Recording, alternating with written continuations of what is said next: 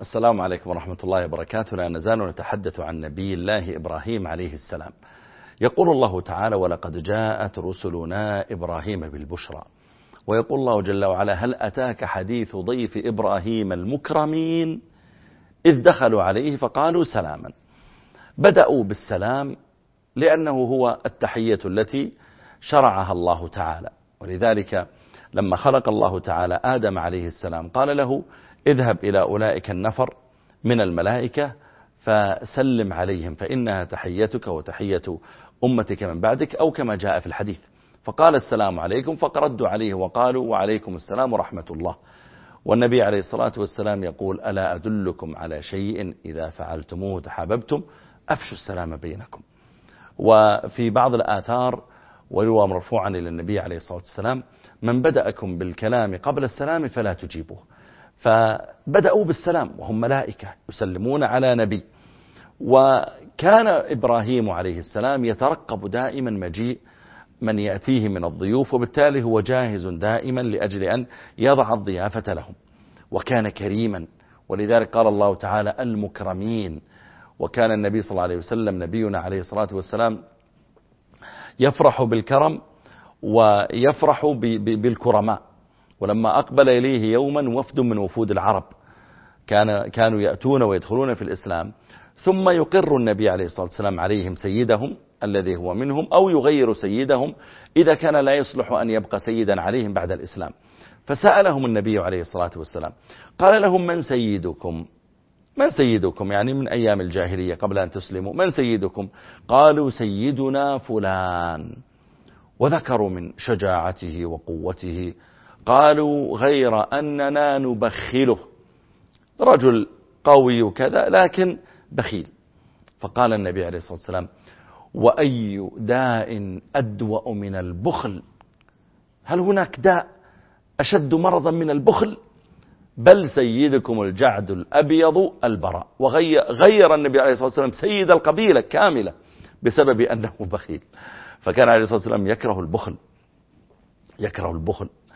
ولما جيء يوم ولما جيء بسبايا بعد معركة الصحابة مع طي وجاءوا بالسبي كان من بينهم ابنة حاتم الطائي. خرج النبي عليه الصلاة والسلام فمر بهم فقالت يا رسول الله آه، غاب الوافد ومات الوالد. يا رسول الله إن أبي كان يكرم الضيف ويكسب المعدوم ويعين على نوائب الدهر ويطعم اليتيم ويحسن إلى الكبير والصغير قال من أبوك؟ قال هذا صفة قال هذه صفات المؤمنين. من أبوك؟ قالت أبي حاتم الطائي. فقال أطلقوها. لكرم أبيها مع أن أباها ما كان مسلما قال أطلقوها. وذكروا أن حاتم الطائي في كرمه كان, كان, كان عجبا. قالوا قالوا أصاب قومه يوما قحط وجوع شديد. وكان عنده ولد وابنتان عدي بن حاتم وسفا وسفانة ابنته وبنت, وبنت أخرى. فأقبل الليل وإذا هم من الصباح أو ربما من الأمس ما أكلوا شيئا والصبية يتضاغون من شدة الجوع. فعللوا فعللهم هو وأمهم وجعلوا يتحدثون معهم حتى ناموا.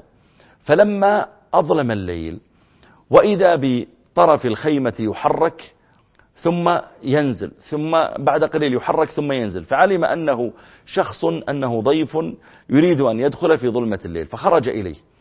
وإذا امرأة, امرأة من جيرانهم قالت له والله إن لي خمسة من الصبية يكادون يموتون من الجوع. قلت ما لي إلا حاتم الطائي. هذا قبل الإسلام. فقال نعم إيتي بهم. ثم أخذ السكين خفية عن امرأته حتى ما تدري امرأته.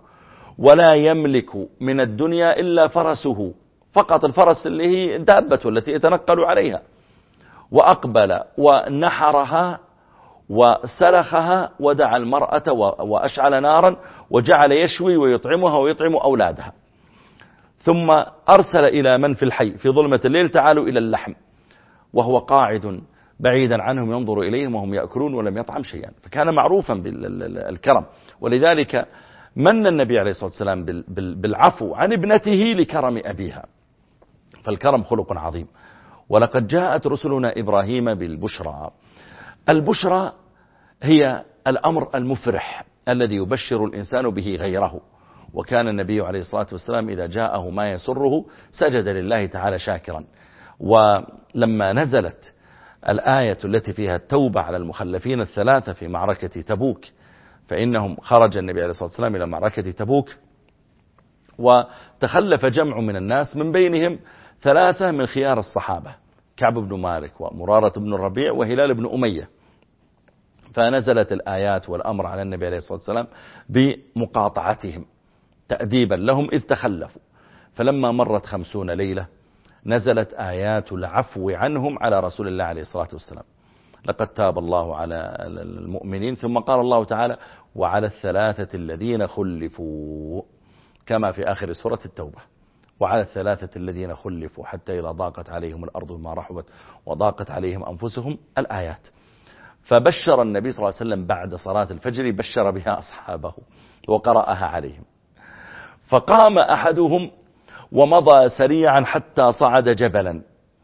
وصرخ ووجه وجهه جهة بيت كعب بن مالك. يقول كعب وأنا قد صليت الفجر على سطح بيت من بيوتنا وإذا به يقول يا كعب بن مالك أبشر.